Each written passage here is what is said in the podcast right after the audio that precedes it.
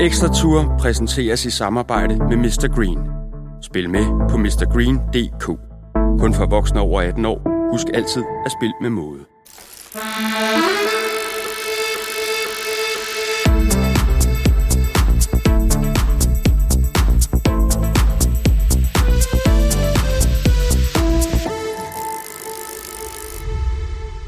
Velkommen til Ekstra Tour Ekstrabladets podcast om Tour de France. Mit navn er Jakob Stalin, og jeg vil efter hver etape invitere indenfor i vores lille studie, hvor jeg får besøg af gæster. Nogle af dem fra cykelsporten, andre bare med en interesse for den. For det her, det skal være godt selskab, fascination af og kærlighed til Tour de France. Den har jeg selv. Jeg har dækket løbet 10 gange i Frankrig, lavet podcasts og tv om løbet, og jeg glæder mig til at dele glæden ved verdens største cykelbegivenhed med jer.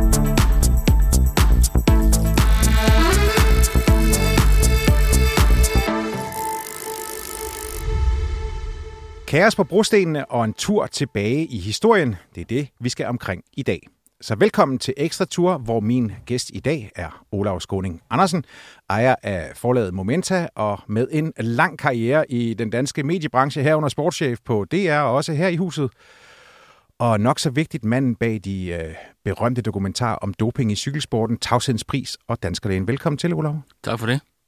Olav, vi to vi har lige siddet og set øh, afslutningen på en øh, højdramatisk etape på brostenen i Nordfrankrig. Hvilken følelse sidder du med efter at have set den øh, etapeafslutning? Jeg er forløst, øh, fordi øh, da jeg så Tour de France i Danmark, som jo på alle mulige måder var fantastisk, men der var ikke kørt cykelløb.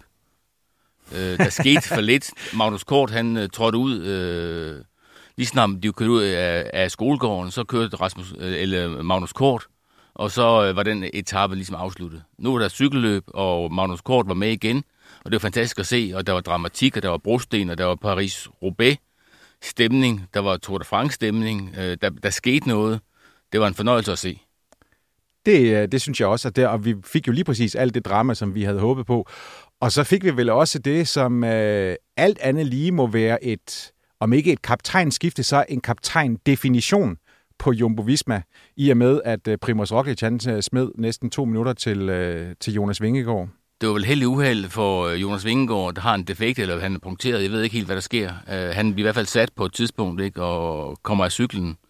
Og øh, det samme gør Primoz Roglic, men øh, Jonas Vingegaard kommer med et bedre tog øh, og kommer frem i feltet på en anden måde end, end, end, end, end Roglic, der taber, hvad er det, han taber? Halvanden minut måske.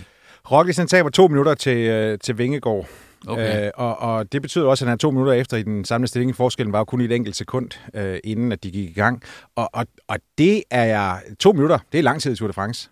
Det er kæmpe lang tid i Tour de France. Øh, og når de først skal op og køre i de høje bjerge, med den form, som Jonas Vingegaard har vist i forhold til Primus Roglic, øh, og, og i det hele taget, så har det været en heldig uheldsdag for øh, Jonas Vingegaard, kan man kalde det. Det må man sige.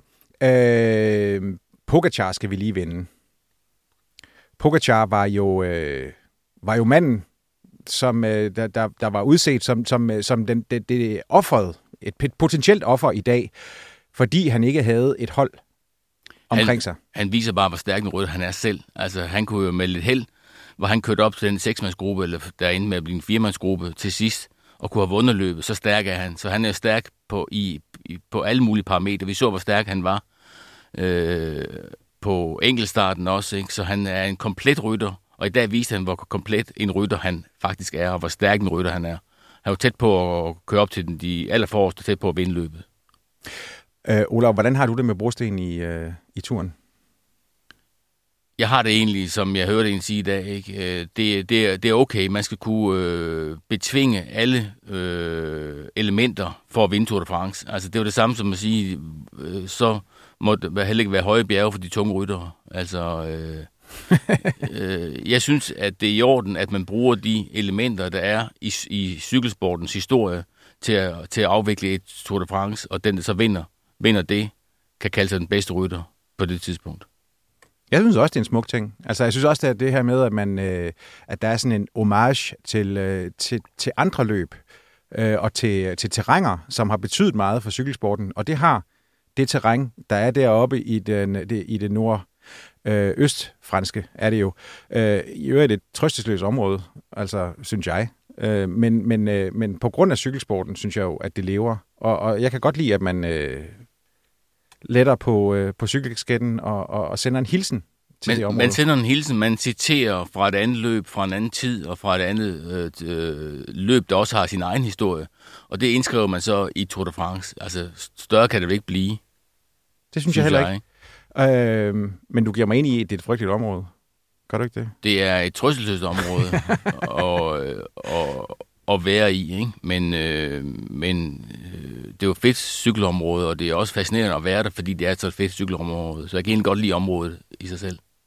Ja, altså, øh, øh men, men det er jo også sådan, man, man føler jo virkelig, at det er også sådan et sted, hvor historien er sus forbi. Altså, der står jo, de, de har jo gemt de her gamle øh, kulmine øh, kraner, øh, som står ved, ved Arnberg, altså som jo også er ligesom sådan historien om, at det her, det var jo, det var svær industri i, øh, til, i gammel tid, men den tid, den, den er der ikke længere. Ja, det er noget siden, jeg har været der. Jeg ved ikke, om de har fået udviklet området anderledes med at bygge, både bygget andre øh, områder, som vi lever af, øh, ind. Øh, det kan godt se ud som om, at det har de ikke.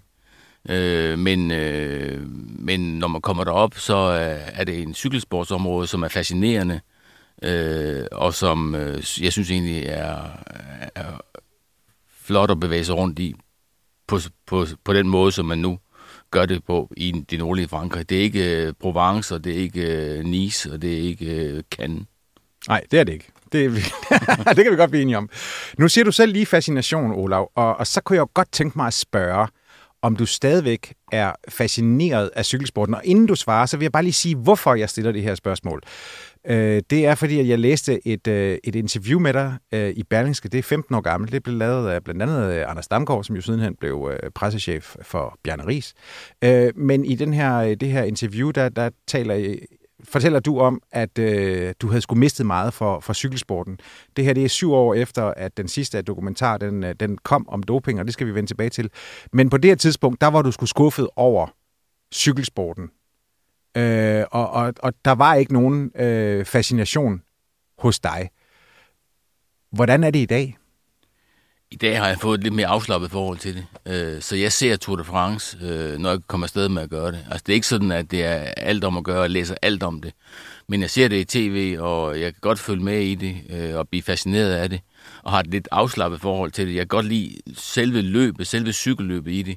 Da i 2007, der har jeg været igennem Øh, først startede jeg med at undersøge tingene i 1995, og så var der en periode fra, fra vi afslørede tingene der i 98, 99, 2000, og så har rytterne i syv år nægtet alt, hvad der skal, øh, alle de afsløringer, vi, vi, vi var kommet med, Bjørn Ries, Rolf Sørensen, Michael Rasmussen, og de der folk havde nægtet, at der overhovedet var noget om doping i cykelsport.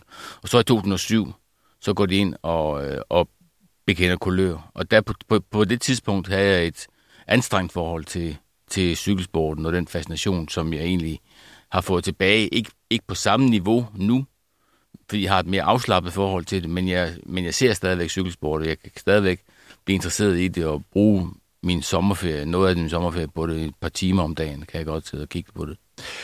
Og lad os lige skrue tiden tilbage til 1995, fordi det er på det tidspunkt, at du og Niels Christian Jung i, øh, i det skjulte går i gang med at lave øh, det, der så bliver til øh, Tavshedens Pris, som kommer i tre episoder. Hvad er det, i der sker der i 1995? Altså, vi skruer lige to år, to år tilbage til 93, hvor Bjørn Ries han øh, bryder igennem på Ajustere-holdet øh, og ligger i det høje bjerge sammen med Michael Indurain og Tone Roming og Zenon Jaskola og de her typer, som man ikke har drømt om, han kunne køre sammen med. Og han bliver femmer. Og han bliver nummer fem i, øh, i 93. Øh, og det er ligesom ansporsdelen til at gå ind og sige, hvad, hvad foregår der i, i, i international cykelsport. Øh, og Niels Christian Jung og jeg øh, mødes i, i 94 og starter øh, et samarbejde. Øh, jeg kan huske, vi mødes og aftaler det faktisk. Vi, vi, vi, vi taler om 1994, vi laver øh, et program øh, med Bo Hamburger, der hedder Den Nye Orden, sammen med Peter Pil, der er på Discovery der laver vi et program om, om Jesper Skiby og Bo Hamburg, og om hvordan deres indbyrdes forhold er på TVM. Niels Christian Jung, han er massør på TVM holdet på det tidspunkt. Og vi finder ud af, at øh, der foregår noget i professionel cykelsport, som ikke tåler dagens lys. Øh, og det er især brugen af EPO, som vi lige kan komme tilbage til. Men i, i starten af, af 95, februar 95, der mødes jeg med Niels Christian på en café på Nørrebro i København. Café Barcelona hedder den. Den findes stadigvæk. Den findes stadigvæk. Ja, det er længe siden, jeg har været der, men øh, ja, den det findes, også mig, men jeg har der mange øl der. stadigvæk. Og der sidder vi i, i februar 1995 og aftaler på, på et, øh, et cafémøde, at vi gerne vil afsløre doping i international cykelsport. Det er faktisk overskriften for det.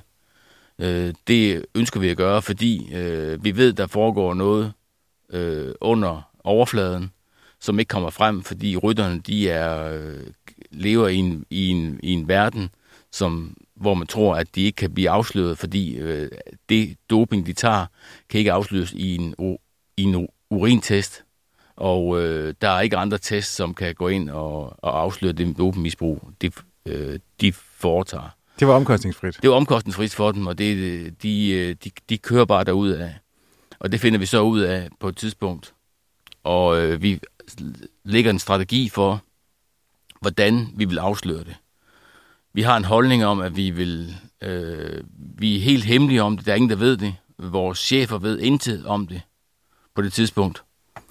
Øh, Hvorfor? Fordi, af to grunde. Fordi hvis man fortæller noget til en journalist, og så fortæller det til en anden journalist, til en tredje journalist, så lige så er det også ude hos øh, cykelrytterne, dem som vi faktisk skal, skal undersøge, øh, og dem vi skal finde ud af, hvad der foregår i, hos i hele cykelsportsverdenen. Og en anden grund til det, at vi ikke fortæller det til nogen, er, at vi selv vil styre, hvornår vi offentliggør det.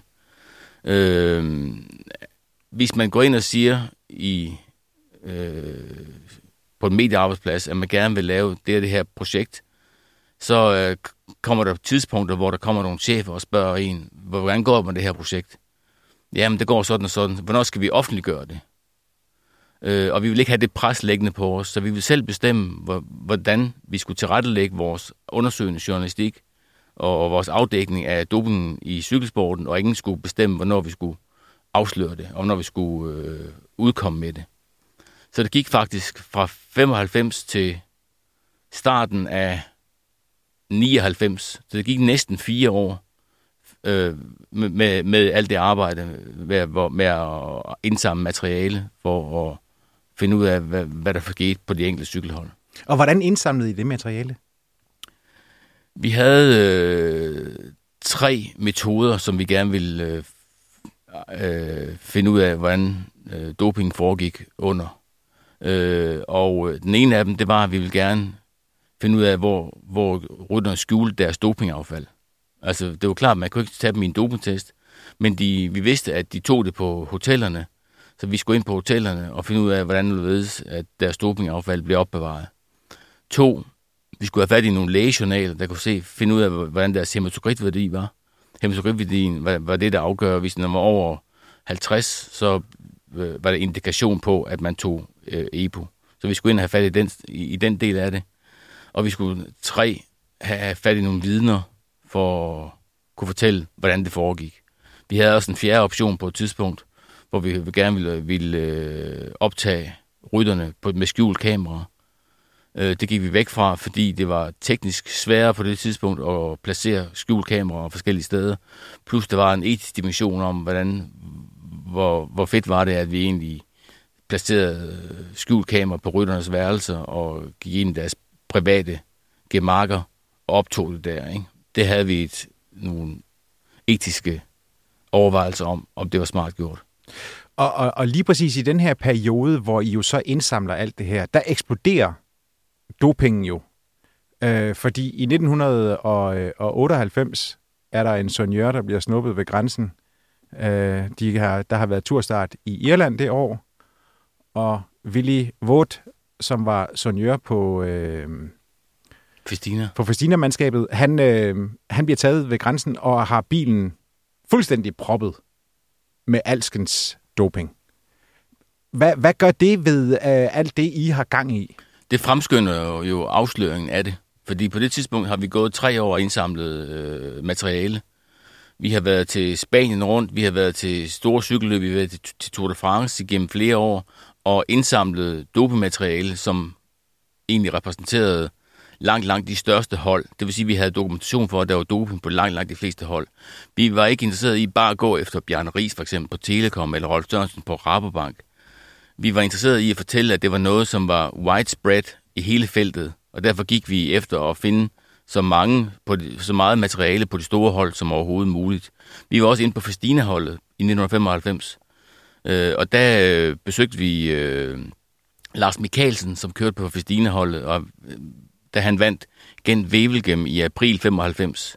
Og der er massøren på det hold, som øh, massøren for Lars Mikkelsen på Festine på det tidspunkt, var Willy Wood, som så tre år senere blev taget og var skylden i hele Tour de France-skandalen. Så øh, vi har jo fantastisk optagelse af Willy Wood og Lars Mikkelsen sammen. Øh, vi har ikke øh, optagelse af, af noget doping, men vi, men vi er inde bag kulisserne og har optagelser, som så sidenhen kan bruges der hvor Tour de France så pludselig eksploderer i 98, så bruger vi noget af materiale, noget af vores materiale går hele verden rundt til CNN og fransk tv og alle mulige andre steder, fordi vi er de eneste, der har noget ordentligt materiale på den person, som er skyld i hele Tour de France-skandalen. Så vi har samlet en masse ting undervejs, øh, som vi så efter... Øh, og måden, vi har samlet det på, er, at vi har induceret os på de hoteller, som de enkelte cykelhold øh, de øh, var på. Øh, der er vi som hvad skal man sige, almindelige gæster, som øh, at når rytterne så tager afsted om morgenen, vi kunne se, hvor de enkelte ryttere boede. Hvis man er på et, et rytterhotel, så var det i hvert fald i gamle dage i, i, de, i de vilde i det vilde vesten, kan du sige. Ikke? Måske er det, andre, er det ændret i dag, fordi folk vil ikke informere om, hvor de enkelte ryttere bor. Men der blev der ved elevatoren hængt en sædel op, hvor der stod, hvor de enkelte ryttere de boede. Så det var nemt at finde ud af, at Bjørn Ries boede på det værelse, og Rolf Sørensen boede på det værelse, og Alex Sylle boede på det værelse, og Festina boede på det hotel, og øh, Richard Virenk boede på det værelse. Så det var faktisk enkelt. Og når øh, så analyserede vi og observerede det enkelte cykelhold, hvordan de, øh, hvordan de øh, styrede deres dagligdag, hvem der var massører, hvem der var mekanikere, hvem der var sonjører, hvem der var sportsdirektører, hvem der var ryttere. Og når de tog afsted om morgenen, så havde de travlt. Øh, og lige snart de var ude af døren, de skulle hen til starten, så rykkede vi ind på deres værelser, som de havde glemt at låse. Øh, oh. Eller nøglen, nøglen, var, nøglen var i døren. øh, og øh, grunden til, at vi mente, at det var forsvarligt, at vi kunne gøre det, var, at vi boede på det samme hotel. Og når rytterne de var tjekket ud på hotellet, så havde vi principielt ret til at bevæge os på hele hotellet. Om det ville øh, have holdt i byretten, det ved jeg ikke, for det blev aldrig afprøvet i byretten. Men det var vores raison d'être for at kunne gøre det. Og så gik vi ind på de enkelte hotelværelser og fandt jo vilde ting. Altså jeg kan huske under Spanien rundt i 1995 på Onse, øh, lægens rum, der fandt vi to store papkasser fyldt med dopingaffald. Og det var altså Alex Sylle, øh, øh, Laurent Jalabert var også på holdet på det tidspunkt. Ikke? Øh, Johan Brunel, som senere blev sportsdirektør for Lance Armstrong, var også på det hold. Øh, så vi fandt ekstremt meget dopingaffald. Hvad var det for noget dopingaffald? Jamen, det var EPO, og det var... Ampuller?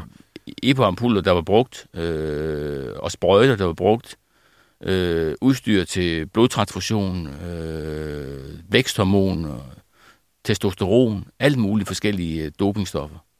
Og så en masse tilladt stof, sikkert en masse, masse af medicin blandet sammen. Og vi tog billeder af det, og noget af det tog vi med hjem, hvis vi kørte bil hjem. Det var svært at tage med den slags ting med op i flyet, fordi øh, så vil man sikkert finde ud af, øh, så vi får spørgsmål om, hvad det var. Men nogle gange så kørte vi jo rundt til de løb, og noget af det kunne vi transportere hjem, så vi fik det hjem, og fik det analyseret på, på, et analyseinstitut, så, man kunne se, at det var havde været EPO i de ampuller, hvor de havde revet markaterne af for at skjule det. Men de har alligevel ikke skjult det så godt, så de har øh, forsøgt at flytte det fra hotelværelset. De har bare det er alligevel vildt, de bare lod det stå. Ja, men du skulle tænke på, at de var, øh, de var usårlige på det tidspunkt. De tænkte ikke på, at nogen kunne finde på at lave journalistik eller interessere sig for det på den måde. Fordi uh, jamen, vi tager EPO, og, og lægen har sagt, at EPO kan ikke spores. Ergo, så øh, lever man i en, i, en, i en verden, hvor man kan ikke spore tingene. og så bliver man, øh, kommer man i en situation, hvor man er ligeglad og er usårlig. Så øh, det var noget af det, de ændrede på, da, vi, da udsendelsen så kom der i 99, som vi kommer tilbage til. Øh, der stoppede de jo med det, og der fik øh, massørerne øh, besked på, at de skulle pakke tingene sammen og aflevere det ikke på hotellet, men køre ud og aflevere det på, på en eller anden... Øh, Forbrændingsanlæg. Et eller andet sted, ikke? Ja. som de kunne komme afsted med at gøre. Ikke? Så den måde samlede vi den, den del af det sammen. I laver jo også konfrontationer med, øh, med rytterne her i, i, i, den her, i de her udsendelser. Hvordan var, øh, hvordan var det, og hvordan var det altså at komme med de her overvældende beviser, som det jo har været, at I kunne se, I kan se, prøv at se, hvor meget vi har fundet på de og de hotelværelser, og det var her, du boede, og sådan noget. Altså, vi gjorde det ved Bjørn Ries, og det var jo en helt særlig ting med Bjørn Ries, fordi Bjørn Ries var jo den person, som var hovedet i Danmark, øh, hovedpersonen i Danmark. Øh, jo den, han har vundet Tour, Bjarne har vundet Tour de France i, i, i 96. Vi kommer med den udsendelse i januar 99, og, og på det tidspunkt har der været antydning af, at der har været doping på Telekom. Så øh, to-tre uger før vi skal øh, udkomme med programmet, måske kun to uger, ringer jeg til Bjørn Ries. Jeg har ingen intentioner om, at han vil deltage i det overhovedet, fordi han øh, var på det tidspunkt meget øh, svær at samarbejde med. Også på det tidspunkt var så svær, svær at samarbejde med. Men, øh, men på, øh, jeg, jeg får ham ringet op og, og får ham fortalt, hvad vi har. Øh, og jeg vil gerne lave en interview med ham, men jeg gør meget ud af at fortælle på forhånd, at vi har fundet de her ting øh, på værelser, han har boet hos på Øh, og vi har fundet andre ting på Givis Balan, og vi har fundet noget på Telekom hos hans besøger og forskellige ting og så er. Så jeg, jeg er ret bevidst om at fortælle tingene næsten som de er. Næsten som de er. Jeg gemmer nogle små ting, som man kan hive frem i interviewet, men, men så han ikke han er ikke uforberedt på Han er ikke det uforberedt her. på. Jeg er ikke interesseret i at lave en interview, hvor jeg siger, vi skal tale om din nye cykel øh, nu her, og så hiver jeg en masse ting op af hatten. Jeg vil gerne have en, et interview med ham. Han skal være klar over, at det handler om doping, og det handler om, om de her ting, vi har fundet, og det er en alvorlig samtale. Så jeg har ingen intention om, at han vil deltage. Men pludselig så ringer han tilbage og siger, du kommer herned, det var syd på København, i morgen. Der kan jeg godt. Godt, okay, jamen øh, så får jeg fat i en fotograf i morgen, og så kommer jeg ned og interviewer dig i morgen. Ja, det er en aftale, farvel. Og det efter vi har, vi har, jeg har fortalt ham om, hvad vi egentlig havde, og de her ting. Så gør vi så det, ikke? at vi skal også interviewe massøren Paolo Ganserli, som bor i San Marino, og som var øh, massør på Givis Balan, og øh, under Danmark rundt i 95, hvor vi på det tidspunkt finder Øh, øh, doping, EPO, på Paolo Ganserlis værelse. Og for at de ikke skal tale sammen, så er vi nødt til at sige, at vi skal interviewe dem på et samme tidspunkt. Så Niels Christian Jung, min øh, kollega, som jeg har lavet alle programmerne sammen med, tager til Italien sammen med øh, en, øh, en person, der kan italiensk. Og vi øh, koordinerer det sådan, at øh, vi skal interviewe Bjørn Ries. Jeg skal interviewe Bjørn Ries dagen efter, og Niels Christian skal interviewe massøren samtidig dagen efter. Så han går ind, og Niels Christian Jung går hen og konfronterer Paolo Ganserli, som man kender lille smule, øh, med øh, de her ting, ikke? og får ham spurgt, stillet nogle spørgsmål om, hvad det er, det har fundet, og han indrømmer det hele. Jamen, der var EPO på Givis blandt og sådan var det dengang, og no problem, det var også det, de, de gjorde det også på alle mulige andre hold. Ikke? Og samtidig sidder jeg nede syd for København og interviewer Bjørn Ries på samme tidspunkt. Øh, og Bjørn Ries fortæller jo og nægter undervejs ved et langt, langt interview, hvor han nægter alt, og øh, jeg tror egentlig, han synes, det er gået ret godt bagefter, fordi han ligesom nægtede alt i det, i det interview. Øh, men det går kun en halv time eller en hel time, så ringer han, og så har han stik til os, fordi så har han talt med massøren i Italien, og de har fundet ud af, at vi har lavet øh, et interview, som var simultant med de her to. Og massøren har indrømmet de forskellige ting, ikke? Øh, og det står selvfølgelig stærkt i forhold til Bjørn Ries, som har nægtet tingene undervejs. Så han bliver stik til os øh, og tager fat i en advokat og tager fat i en manager, der hedder Ole Frederiksen, som han har, ikke? og de får fat i Karoline Nemet, som, er, som ringer ud DR øh, og truer med øh, uh, fodforbud på det program, som vi skal til at sende. Øh, Øh, og der har jeg jo heldigvis, der har jeg fået fat i de gode chefer. For der har jeg jo heldigvis fat i en god chef, Jørgen Ramskov, der var chef for, øh, for, for DR1 på det tidspunkt. Og han afviser selvfølgelig, og, og, at vi tager programmet af, og vi skal bare klippe det, klippe det færdigt. Øh, og i mellemtiden har vi så også fået skaffet nogle hematokritværdier øh, på Gevis Balan på det samme tidspunkt, øh, som vi også kan vise i de enkelte i, i, i det program. Så vi har egentlig opfyldt de tre ting, som vi gerne have, ville have i starten. Vi vil have noget dokumentation, vi vil have nogle vidner, og vi vil have øh, nogle øh, lægejournaler, altså hematokritværdier. Så det er jo ligesom ingrediensen af det program, der så kommer i januar 99. Tavshedens pris 1 og 2. Der kommer der. Og eksploderer fuldstændig. Ja, der, der, der eksploderer cykelsportsverden, kan du Hvor, sige. Ikke? Hvordan var reaktionerne, Olav? Jamen, de var jo vilde. Det var vilde reaktioner. Altså, jeg blev ringet op af BBC og Australsk Radio, og altså, jeg blev ringet op af alle mulige mennesker. Fordi der havde været Tour de France-skandale, når man vidste godt, det foregik. Men det var ligesom den første, hvad skal man sige, journalistiske bearbejdning, journalistiske afsløring af, at det var ikke noget, der var, var foregik på Festina-holdet, og der var, der, var, der var kommet navne på, der var kommet øh, et øh, 4-5 års periode, hvor vi indsamlede tingene, så, man, så der var bund i, at, der var en, et, at det var et kæmpe stort problem, som egentlig bare voksede øh, ud af, af cykelsporten. Og hvordan, øh, hvordan oplevede du så reaktionerne sådan for, hvad skal man sige, sådan en menigmand? Fordi jeg kunne godt forestille mig, at der var mange, der faktisk blev lidt tosset over, at man gik efter Bjarne Ries, som jo på det tidspunkt, og jo øh, altså lang tid, har været var et, et, altså en, en national stolthed, et KFA. Det var, en af, det var en af grundene til, at vi ville kunne styre processen selv. Ikke? Så vi, vi, vi ville ikke udkomme med et program, som øh, ikke kunne dokumentere, at der var øh, doping i cykelsporten. Øh, og især over for Bjarne Ries, fordi han var jo kæmpe KFA. Altså, når, vi, når det kørte, blev kørt Danmark rundt i Danmark, så var det øh, Ris af Gud, og Ris var fantastisk, ikke? Øh, og et kæmpe stort navn. Så vi fik der masser af hadebreve og, og den slags ting, men det var inden de sociale medier for alvor var slået igennem. Så vi blev ikke på den måde stemplet, øh, og vores telefoner nedlagt og den slags ting. Men selvfølgelig var der jo øh, stor utilfredshed med det, der foregik. Og mange troede jo ikke på det. Husk på, at øh, Ries han nægtede jo i lang, lang, lang, lang tid, indtil 2007. Øh, og, og jeg mødte jo folk i den periode, som siger, jamen det er løgn. Vi, vi tror simpelthen ikke på det. Det, det er ris. Vi, vi tror på i den sammenhæng. Ikke? Så vi gik jo lang tid. Jeg tror, stor, største del af den danske befolkning og største del af dem, der interesserede sig for det, de vidste godt, det var rigtigt nok. Men Bjørn Ries og de andre, Rolf Sørensen og hvem det ellers måtte være, havde ikke indrømmet noget som helst. Mm. Det gjorde de først i 2007. Øh, Ola, hvordan er dit forhold til... Øh, du har jo mødt mange af de her hovedpersoner sidenhen. Post 2007. Hvordan, hvordan, øh, hvordan er dit forhold til dem? Hvordan har de... Altså forholdet til, til mange af dem er udmærket, øh, men øh, det, tog nogle, det tog noget tid, og det tog nogle år. Øh, og jeg vil ikke sige, at jeg har det bedste forhold til Bjarne Ries og Rolf Sørensen i dag, men det er længe siden, jeg har mødt dem. Jeg er ikke nogen, jeg møder hver dag.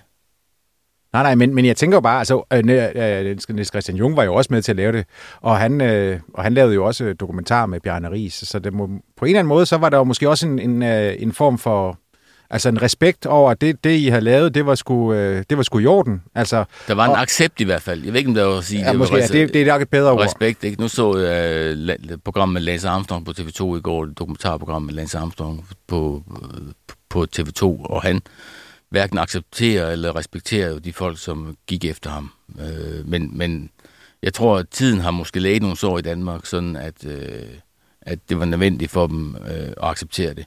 Plus, at de skulle jo også leve i cykelsporten. Mange af dem, både Bjørn Ries og Rolf Sørensen, lever jo videre i cykelsporten, og der kan man ikke leve videre på den måde, hvor man fornægter alt, som er nødt til at indordne sig nogenlunde under de nye normer. Øh, og det var også en af grundene til det. Og øh, altså, jeg ved det ikke. Jeg tænker også, at der var, der var en tid før og efter 2007 i en eller anden forstand. Altså, øh, eller der, der, Operation Puerto kommer i 2006, og Michael Rasmussen bliver smidt ud, og jo sidenhen også indrømmer. Altså der, jeg, jeg synes jo, der er sket meget de sidste 10-15 år i cykelsporten. Det, det har været mit indtryk af, at, øh, at der kom en holdningsændring, fordi det var jo lige præcis, som, altså dengang, der følte de sig usårlige, og alle gjorde det. Og alle var nødt til at gøre det. Ellers så kunne man ikke følge med. De kørte jo med 50 i timen med to fingre i næsen. Altså, øh, og hvis man ikke tog doping, så var man jo øh, håbløst øh, sat tilbage. Altså, der var jo en lang periode, synes jeg, hvor man talte om, at det var blevet bedre, hvor det så reelt set ikke var blevet bedre. Altså, fordi man sagde også, efter 99, så stopper man med det fuldstændig, og så gik der jo meget, så gik der 10 år med øh, Puerto og Michael Rasmussen og alle de her ting. I 10 år, hvor hvor man sagde, at det var blevet bedre, men det er ikke sket noget. Jeg er ikke tæt på... Floyd Landis, Tyler Hamilton, Alle Lance Armstrong. Vi kan, der, det, ja. Lance Armstrong, det kørte jo lang, tid op. Ikke? Så, øh, så det var, gik jo i hvert fald en 10-årig periode efter 98, hvor der ikke skete noget mærkbart. Mm. Og så er der sikkert sket noget de seneste 10 år. Det tror jeg på, øh, uden jeg følger løbet eller branchen, eller har kilderne til at fortælle mig præcis, hvad der foregår. Mm. Øh, så jeg kan ikke sige præcis, hvad der, hvad, der, hvad der sker i dag. Men vi må jo også bare sige, at det er jo en respekt, eller en kudos til dig og til Niels Christian Jung, at det var jo den eneste journalistiske afsløring, der var. De andre dopingskandaler, der har været, både med Lance Armstrong og, øh, Operation Puerto, det var jo politi efterforskninger. Altså, nogle af dem var jo på vej. David Walsh, for eksempel, fra Sunday Times, som skrev en bog og var afsløret mange ting med Lance Armstrong, for eksempel hans øh, tilknytning til øh, dopinglægen Michele Ferrari, har, har, har hjulpet, hjulpet på vej, ikke? men i den sidste ende har det været, øh, hvor stater eller antidopingmyndigheder er gået ind, og politiet har gået ind og lavet nogle helt afgørende rensagninger, og øh, stille folk øh, for retten øh, og afhørt dem under en vidneansvarslov, øh, sådan at hvis de, øh, hvis de løg der, ikke, så kunne de selv komme i fængsel. George Hinkeby og for eksempel øh, mange af Lance Armstrongs øh, holdkammerater var jo, blev fanget ind på den måde, at de øh, sørgede for, at, at de skulle øh, tale. Ja, de skulle tale sandt, ellers så kunne de ryge i spillet. Hvis de ikke talte sandt, så røg de i spillet, og, og, øh, og derfor afgav de nogle øh, vidneudsagn til, den, til den amerikanske olympiske komité, øh, antidoping-enheden der. Og det var det, der fældede Lance Armstrong. Mm. Men Olav, i dag, altså her, øh, nogle af 20 år senere, så, øh, så kan du stadigvæk godt sidde og, og være begejstret over at se, se et brostens etape fra det nordfranske. Jeg kan godt gå ind i sporten øh, og, øh, og, øh, og se en afslutning på den måde, og, øh, og, og se en spurt og se øh, hele det strategiske og det taktiske og det følelsesmæssige og alle de her ting. Det kan jeg godt gøre. Men øh, jeg er ikke så langt ind i sporten, som jeg har været. Det tror jeg bare godt. Måske. Olav, tusind tak, fordi du øh, havde lyst til at tilbringe en øh, halv time sammen med mig og lytterne af Ekstra Tur. Det er fornøjelse. I morgen der får jeg besøg af, det bliver en anden samtale, det kan jeg lige godt sige, for der kommer Pau Henriksen og Jesper Skiby. Øhm, men øh, ja, det kan da være, at vi, skal, vi skal lige skal runde Willy Vogt og... Øh, sammen med Skiby. Men om ikke andet, så bliver det en anden samtale. Den øh, optager vi i morgen efter morgendagens etape, så indtil da på genhør.